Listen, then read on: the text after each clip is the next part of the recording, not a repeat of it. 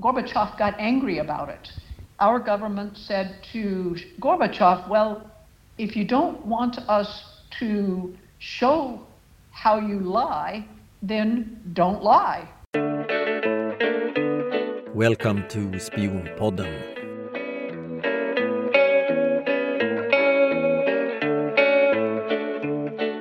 Hello and welcome to Spionpodden. This uh, is our second interview in English, so um, it will be a little bit easier, I hope, and also maybe the, the English will be a little bit better.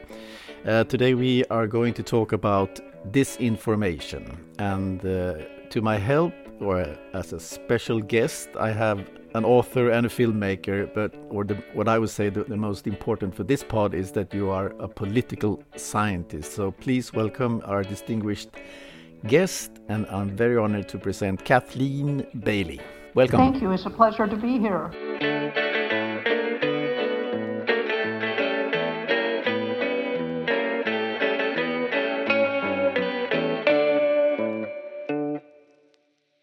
So, please, uh, Kathleen, tell me a little bit about yourself. Well, uh, you're right. I'm a political scientist. I uh, got a PhD in political science uh, from the University of Illinois, and my specialty was the Middle East, which led me to the um, or to be interested in international politics, and I ended up in the State Department uh, in the Bureau of Intelligence and Research, where I was a deputy assistant secretary.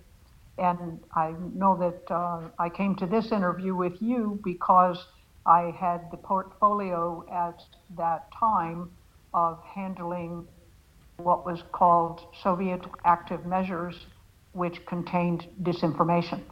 Yeah, I, have seen you in, in documentaries, and I read quite a lot, and and uh, you became became quite famous um, in the middle of 1980s, and and you were actually head of a group called Active Measures Working Group. Can you please tell me a little bit about what that is?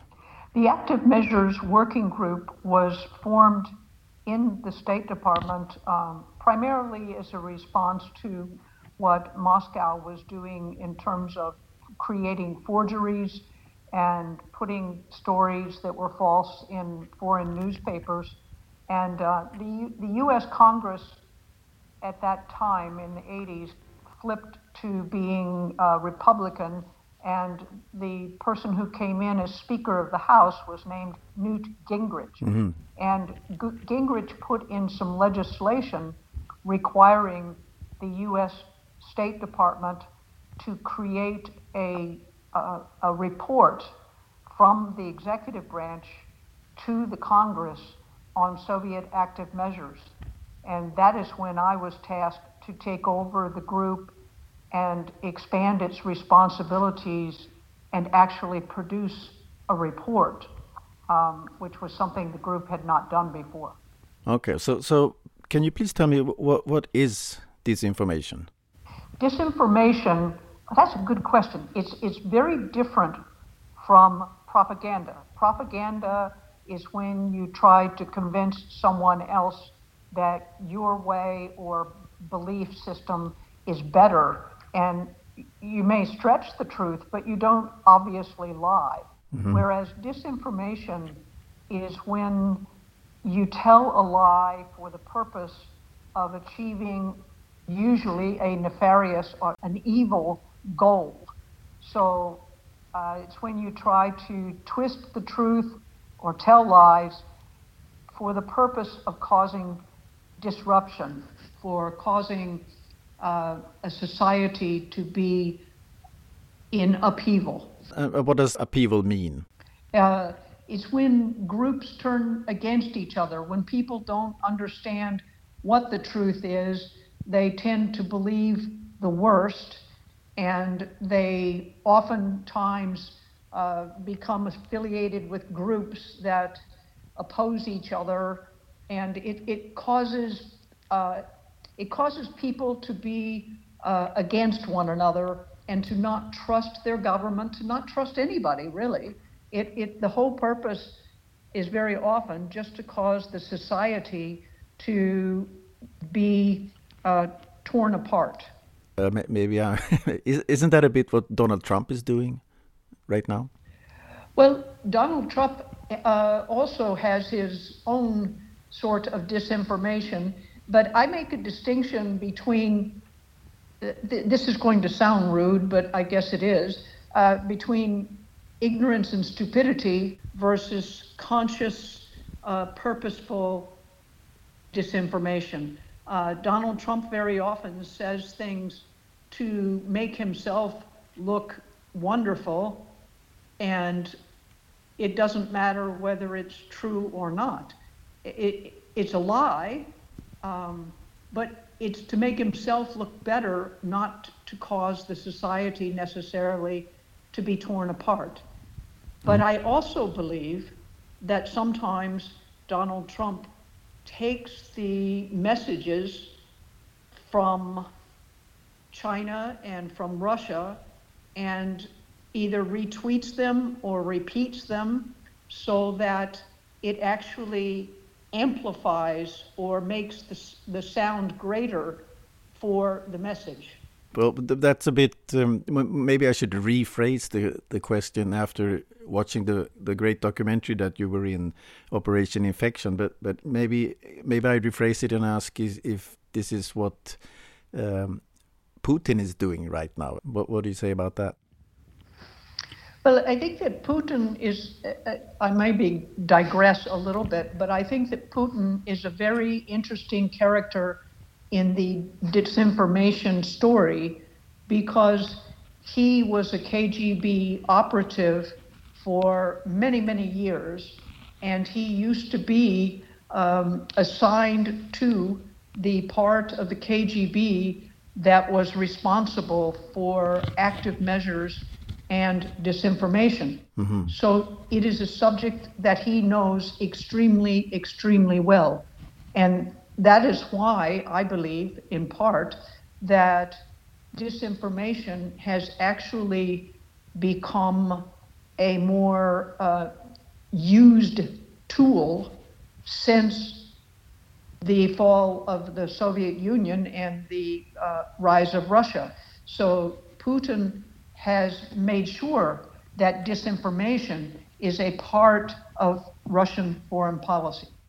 And is that something because we, we spoke yesterday? Uh, is that also something that you, you are kind of were referring to yesterday with something about the University from of, of Gothenburg? Yes, um, that that had to do more with the the Chinese. You know, um, Taiwan uh, has been the subject of Chinese disinformation for some time, but since the president who, of Taiwan, President Tsai, uh, a woman was elected. She is she is not for uh, joining up with China. She wants Taiwan to be independent, as do most Taiwanese. And so the the um, University of Gothenburg did a study of Chinese disinformation and measures to try to disrupt um, and cause difficulties during the election this last January in Taiwan. I found that Gothenburg study very interesting because it was the first time that I was able to see uh, documentation of what the Chinese are doing. And I will just give you one example. The Chinese have what they, what they call content farms. These content farms are located in Malaysia, Philippines, and other Southeast Asian nations, and they spend all day, all night online on chat pages, on Facebook pages, everywhere they can to generate content against the Taiwanese government and for Beijing. Wow. So it, it's, it's very, very intense. And they've also done two other things, the Chinese, that are just now the Russians are, are doing it more, but the Chinese are kind of ahead of the Russians in this regard. Two things. The first is manipulation of video, which is very powerful because when people see something, they think, oh, it's got to be real because I just saw it. And they don't think about the fact that it's manipulated on the equivalent of Photoshop or whatever for video. And the second thing is they have started using text messages because it is much harder for intelligence agencies in the Western countries to find out where the false messages come from when they come via text as opposed to online. But, but can you please just uh, um, tell me a little bit more about the, the, the, video to change the video content or the faces of, of people? That's something I've heard about. And, and how does that work? Well, they take um, file footage uh, from you know past videos of individuals, like a politician that they want to discredit or say something bad about. Mm-hmm. They'll take that file footage and then they do what is called lip sync. So they make the lips move with the words that they want. And, and they're able to, to make a voice that is similar to that person's voice. And they just put it over in a layer over the video. And then they release it, and it looks like this person is saying whatever the Chinese want him to say. And it's very disruptive uh, because people say, "Oh, look, you know, he's he's saying those words," and we know that that person is that person. So it, it's got to be true, wow. and it's not true.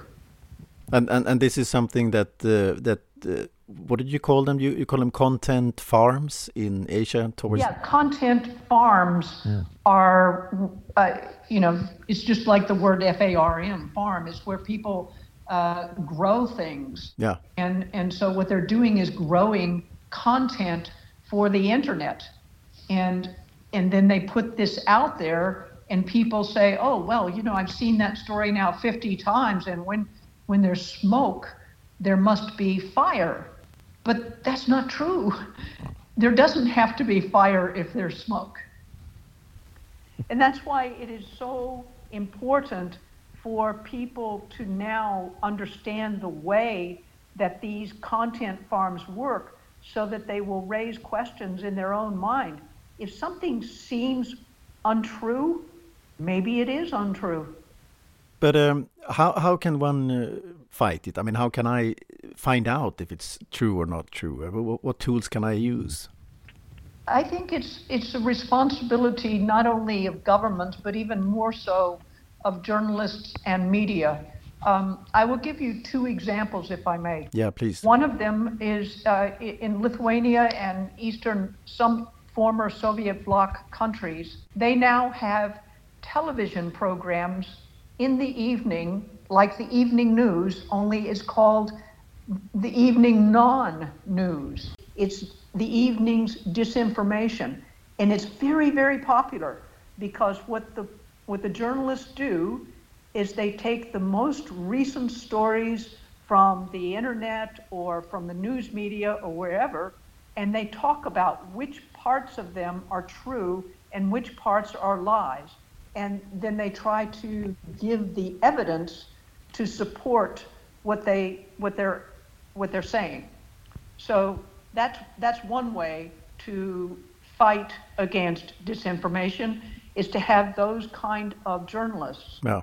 This, the, the second uh, I will give you is again from the Taiwan uh, situation when when the Taiwanese realized that the Chinese were trying to uh, disrupt their elections this last January, what they did was they set up a, a government sponsored or government uh, supported, financially supported yeah. um, organization to put out on the internet every single day what they viewed as untrue and why they viewed it as untrue. That was what they did with um, the politician that, who, whose example I gave you a minute ago about his lip syncing. Yes. It was very interesting. What the Taiwanese did is they took the real film hmm. that had been done five years ago of this politician and in the background you could see exactly the same thing so you knew that that video was filmed five years ago wow. then they showed his mouth moving in reality and then they showed the lip sync and and so people could see oh my gosh you know this really was a video that was taken from the past and then changed um, to make it untrue. But it can also be used the other way around to to try to convince people that this was not true, but but it actually it's telling another another thing. Yes, that's that's right. It's a constant battle.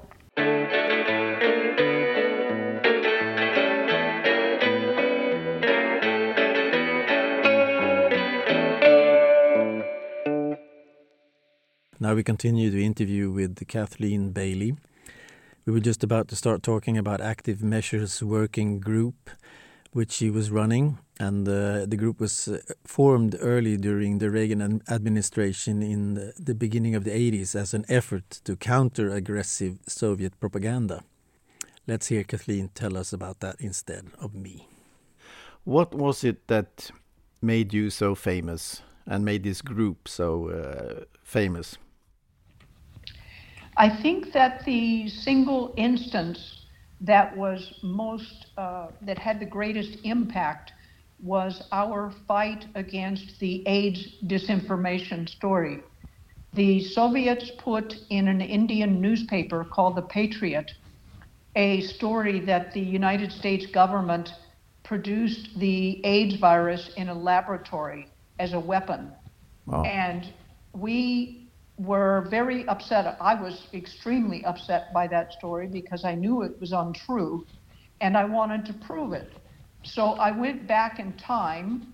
We found where the first instance of the story was, which was in that Indian newspaper, as I said.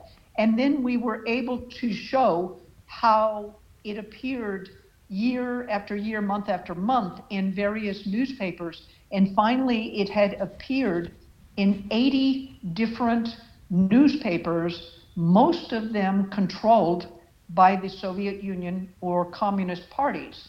And then the, uh, the incredible happened. Dan Rather, who is a very uh, well known journalist in America, who was uh, the anchor for the evening news on CBS News broadcaster, he reported it as if it were a true story. And that was just a blockbuster. and so we found that we had to be able to go, go back and document every single place that this story had appeared and how it came from Russia. We did such a good job of it that George Shultz, who was then Secretary of State, presented the report that I did, or that my group did, to Secretary Gorbachev. Mikhail Gorbachev. Yes. Maybe one should tell uh, the audience that Mikhail Gorbachev was the eighth and the last leader of the Soviet Union. Uh, he was the general secretary of the Communist Party. He also won uh, the Nobel Prize as he was considered one of the most significant figures in the second half of the 20th century. Well, he was the one who actually started Glasnost, which was in the mid of the 1980s, kind of a political slogan for openness and transparency, which was very unusual for the communist and totalitarian Soviet Union at that time. And also, Glasnost was kind of the, the beginning of the collapse of the Soviet Union, and uh, he brought a decline into Russian global influence. And he's a very influential and interesting person, and and. Uh, and, and also the, the meeting with him and and uh, Ronald Reagan is is uh, something that a lot of people still talk about. We did such a good job of it that George Shultz, who was then Secretary of State, presented the report that I did, or that my group did, to Secretary Gorbachev. Gorbachev got angry about it. And he had even read the report. He showed the report to Shultz and Reagan, and he had written in the margins of the report what made him angry. So our government said to Gorbachev, well, if you don't want us to show how you lie, then don't lie. and, and Gorbachev, to his credit, said, okay, we'll stop doing this. But of course, they didn't. so he admitted that uh, this was a lie? Yes. He apologized. Okay. Is this around 1986 or 87? In that time frame. The, the story, the AIDS story, first appeared, if I recall correctly, in 1983. But, you know, with this was before the internet so things moved much more slowly. It's only when people read newspapers that they saw it. In, in, when it finally got to television, of course, that made it even bigger news. But today, everything moves so fast because of the internet. And so what used to take years now only takes minutes. Yeah. But, but I'm, I'm so curious about the, about the method the, and how, how you actually could go back in history and find all these um, articles uh, without the internet and all these things? It was a very labor intensive process to find all of those stories. There was a publication produced by the CIA, an unpublic, uh, uh, excuse me, an unclassified publication called Foreign Broadcast Information Service. Okay. And what it did was there were five regions of the world that were covered, and it had the lead stories from every major country's um, newspapers in it. So every single day that would appear. And we had people going through looking for the AIDS disinformation story by hand, by eye. Today you can just scan it and look for it electronically. Exactly. But then we had to find it by hand. And and and is this uh, what the Russians were calling Operation Infection? Yes, that's right.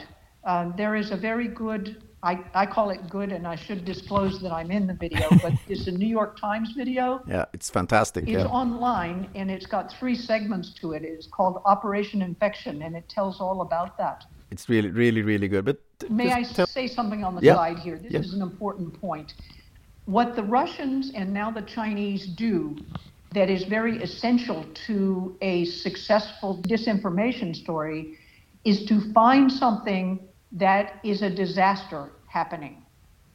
That's why, in the case of um, COVID 19, the Chinese put out the story that COVID 19 was a weapon produced by the United States against China. Yeah.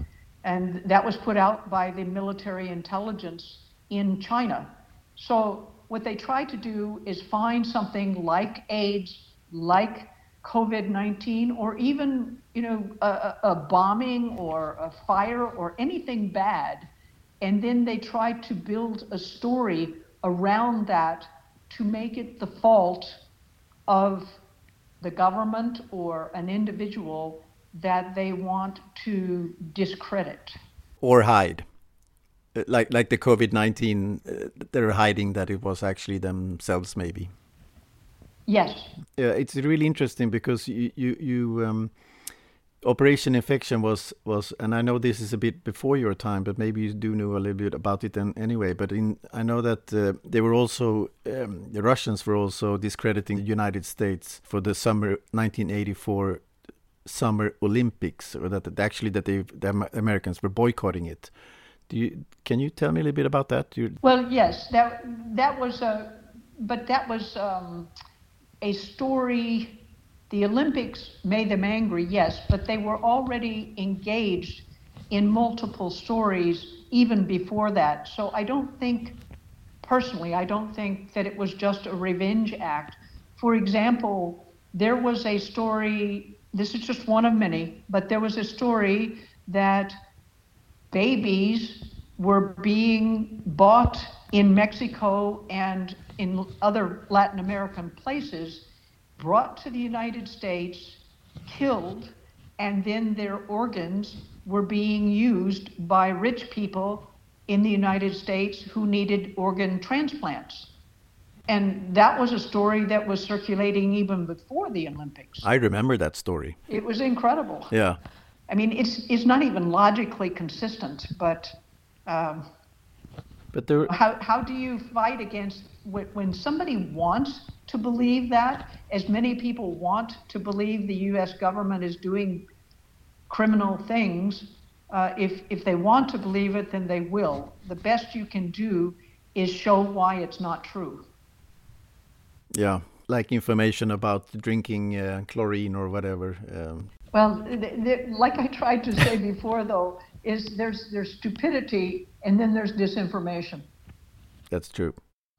And and I think it's useful to distinguish between them because stupidity is not something that you have to go and disprove because everybody if they think about it twice or maybe even just think about it once they know it's stupid and disinformation, on the other hand, usually has a more elaborate story. It has often a kernel of truth. For example, the very fact that AIDS existed meant that there was a kernel of truth in it. So then you wrap your lies around that inside piece of truth. Yeah, I, I, I, see that. But what is the purpose of telling such a lie? What what uh, I don't really understand. You mean in Trump's case? No, I'm I'm talking about uh, let's say the the HIV. What what was the Soviet Union trying to to um... to turn people against each other, to make the society distrust its government and to distrust each other and to make people fight against each other. In the United States, that story was told in multiple ways, but one of them was, and the most important one was, that AIDS was a weapon designed by the United States government to kill black people. And it became a huge issue, particularly in Chicago, where the Black Panthers, which was a, a radical group at the time, used that story to justify things like fire bombings, riots, um, just all kinds of negative activity. So if, if the Soviet Union and Russia after it and China can succeed in making the United States turn against itself or making Europe turn against the United States or making Europe turn against NATO, whatever, if they can cause cracks in the wall, if they can cause cracks in the foundation, then it will make it easier for them to be stronger.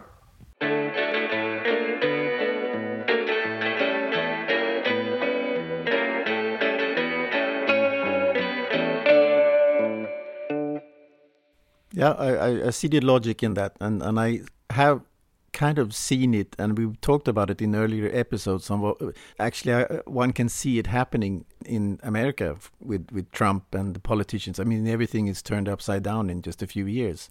Then again, uh, you you keep saying that Donald Trump is kind of ignorant, but still you see it happening uh, almost in front of your eyes.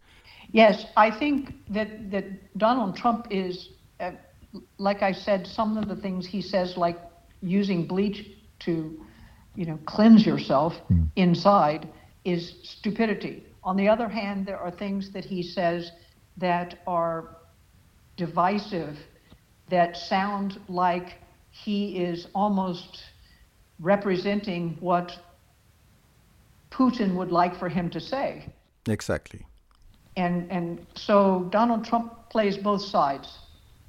Yeah, but also uh, one can see it in in Europe that I, uh, especially in, down in Turkey and that uh, all of a sudden Putin and and Erdogan are best friends and they're they're which they weren't a few years ago. I mean, it's kind of a scary progress there.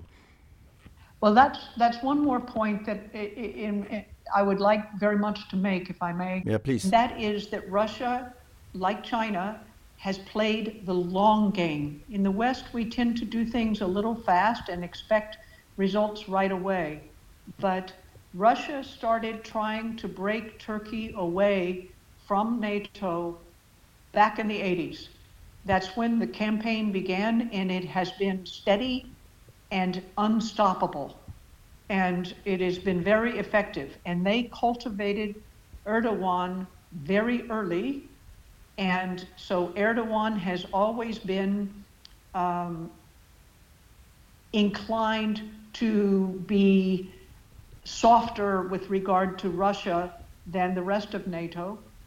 And you could even argue that Erdogan is like Donald Trump in that regard, or maybe Donald Trump is like Erdogan. I don't know, but it it it is the case that Russia plays the long game. They they plant something today, and they don't expect it necessarily to become a big plant for years. And uh, do you remember how it started in 1980? You mean with Turkey? Yes. Oh yes, the the Russians would often uh, meet with the Turks and try to get the Turks to learn Russian, to sponsor their trips. They had lots and lots of cultural trips for the Turks and education, all kinds of things um, to try to get people who would someday be influential to understand the Russian point of view.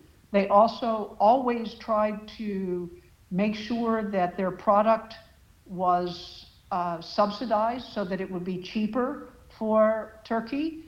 And they have always argued to Turkey that Europe doesn't treat Turkey in a fair manner. Mm-hmm. And there are lots and lots of news articles to, to that very point, including disinformation articles, that point out that the, that the EU uh, and NATO have never treated Turkey in a fair manner.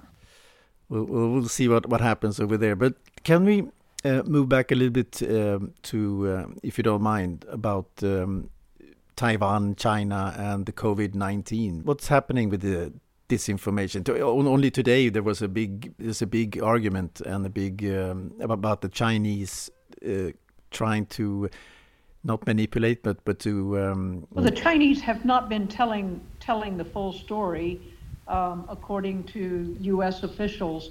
It's very hard for those of us out of government to know what is true. When I first heard about the Wuhan Institute of Virology and its lacks, uh, its you know lack of um, strong measures to control the viruses that they were working with. Um, it bothered me. I wondered if it was a release from that facility instead of the wet market. Um, but it's hard to know because I didn't want to do the same thing to China that Russia did with us on AIDS. You know, yeah. Russia accused us of making AIDS. I don't want to accuse China of making COVID 19. No. So uh, it's very important to get it right, to get the facts. And so I think we don't have the facts yet, but it is clear. One thing is clear China did not tell us early um, about, it didn't tell the rest of the world and didn't tell the WHO early enough they went and started working on getting personal protective equipment very quickly so that they could get it before the news got out. And they did not give us the genome. Excuse me, G- genome, what's that?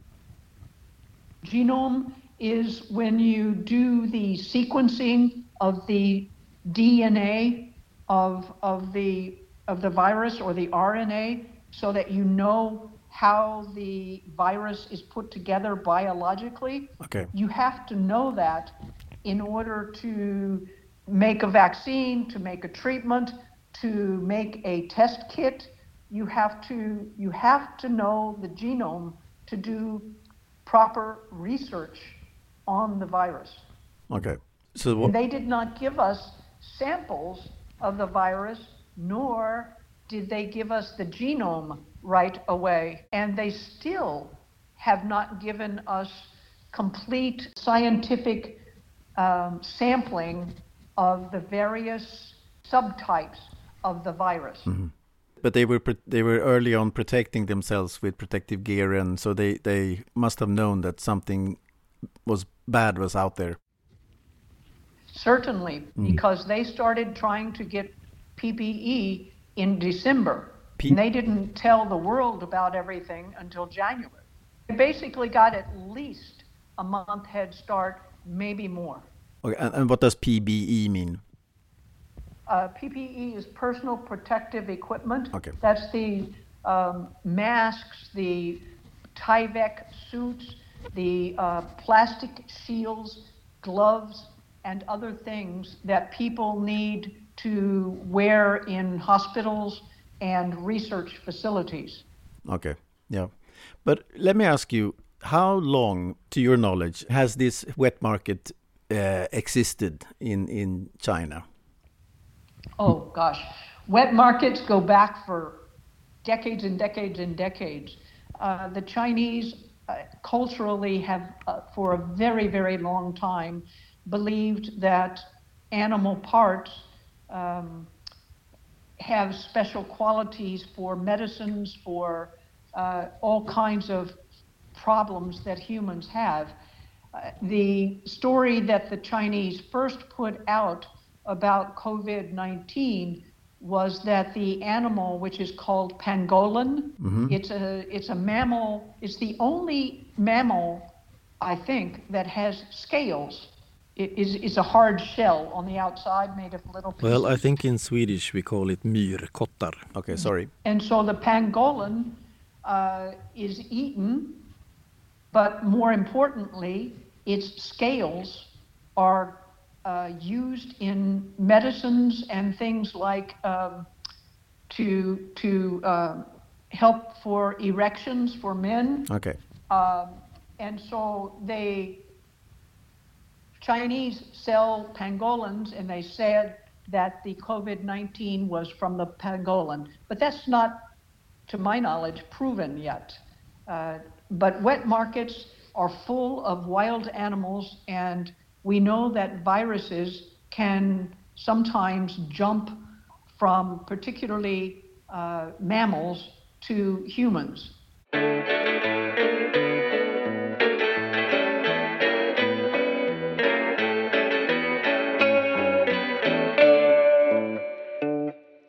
but they've also been saying, uh, or at least rumors, uh, that uh, the the virus came from bats. No, No? Uh, I, I don't think so. There, there have been viruses from bats and coronaviruses from bats, but there, there's no proof that the COVID 19 came from bats. But the Chinese first said that it came from pangolin. For how long have they been um, using pangolins in China? Oh, decades and decades and decades and decades, maybe hundreds of years. So why now? Well, that's a question for nature, not, not, not, I, I cannot answer, but it is possible, conceivable, I should say, that the pangolin previously did not have such a virus, but that it eventually got such a virus from yet another animal. Okay, And that it, the virus mutated to become able to jump from a wild animal to a human. Now, like I said, we don't know though No. that's the case. that's true. But but it, it's it's it's interesting that uh, suspicious laboratory in Wuhan, and then this virus sort of jumped. Well, it an animal. certainly indicates that we need more information. And what shall we now be, or what, what can you kind of warn us about uh, what uh, with this information on the on the COVID nineteen? Well, I think that everybody has to be careful about believing where the virus came from. if you hear something from the US government, from the Russian government, or from the Chinese government, all three of them, uh, or even from the World Health Organization, everybody needs to just wait until more information comes out. It's hard to believe anybody right now because even the WHO started repeating what the Chinese said right away without even questioning. What, what was that that they, they repeated from the Chinese? Uh, the the, the uh, WHO immediately said China had just discovered the um, the virus. The Chinese put out statistics about how many had been affected. The WHO said, as if they were WHO's statistics, that they had been able to independently confirm this. Well, then, uh, three weeks later, the Chinese changed the numbers, making the WHO look like a fool. The, the WHO uh, has just taken everything that the Chinese government has said and put it out almost like they're putting out their own press releases. So, who should one believe then today? I think that what you have to do is look at as many sources of information you can and look for what is logical. Everybody has to start questioning, and you can say, Well, oh my gosh, what have we come to that we can't believe anybody? Well, that's what we have come to. You can't just believe anybody. You can't anymore. So, what you're saying is uh, read as much information as possible before you make up your mind, or, or don't even make up your mind, just be open about it. No, read as much information as you can. Also, try to make sure that what you are reading is from a credible source. I mean, we all know that certain newspapers are sensationalist. That's not where we should get our news. We should get it from some place that actually does good research and tries to find out the truth. And can you uh, give an example of that? Well, um, I can, but what comes to mind is not COVID 19, but may I give a different example? Yeah, please. Um, for example, I was reading about the US government has been giving away uh, money for loans in the United States for companies. Yeah. And all of a sudden, we are learning that the money went not to the small companies that they were intended for, but instead for the already rich countries. And of course, uh, the government immediately clamped down and would not give out any information about who received the money. Well, this morning there is an excellent article in the New York Times about which co- companies have received the money. Now, why do I believe that story?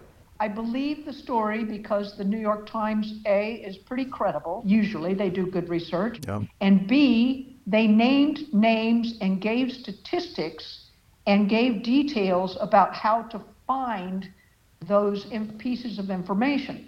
So if somebody gives you a reason for believing something and gives you additional resources to help you validate or prove something, then it becomes more believable. Okay. Is this some? Is this a bit like in with the, in the film um, the, the Operation Infection, where they give it the example of that article of HIV that you were talking about, and what was it in in that original article that made up that made you suspicious about that it was uh, fake news or disinformation?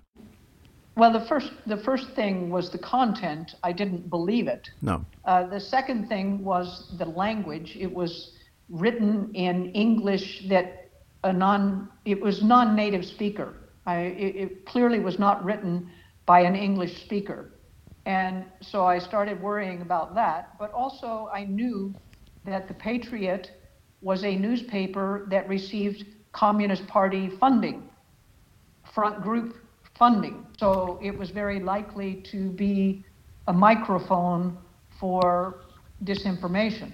So it, it was um, already suspect to me. But, you know, it was interesting. The Russians, or the Soviets then, uh, recognized that their story didn't have much credibility. So they hired two scientists to try to uh, make the story look more scientific. Mm-hmm. And these two scientists wrote a paper which, when you read it, it, it if you are not a scientist, you think, oh, they are saying something important because I don't understand it. But if you're a scientist, you read it and you say, oh my gosh, this is a joke. so, you know, if you know what you're looking for, it helps. But if you don't know what you're looking for, then you must just be very careful. If things look crazy, then they might be crazy. So if you think something doesn't look believable, you have to question it more closely. People say, oh, Russia does disinformation and so does the United States. Even Donald Trump said that. Mm. But you know what? We may do a little bit here and there, but we don't have a giant organization that has over 10,000 people whose only job is to do disinformation. And only Russia and China have those kind of organizations.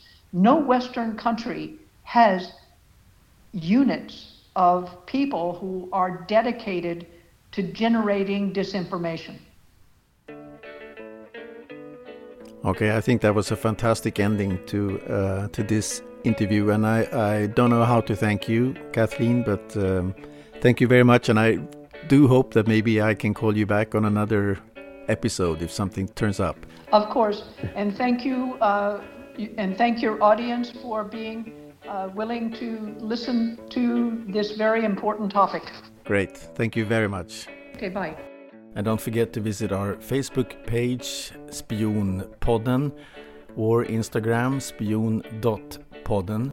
Among other things, I will give you the link to the very interesting and amazing documentary film Operation Infection, which I recommend that you all watch. Until next time, thank you. Bye bye.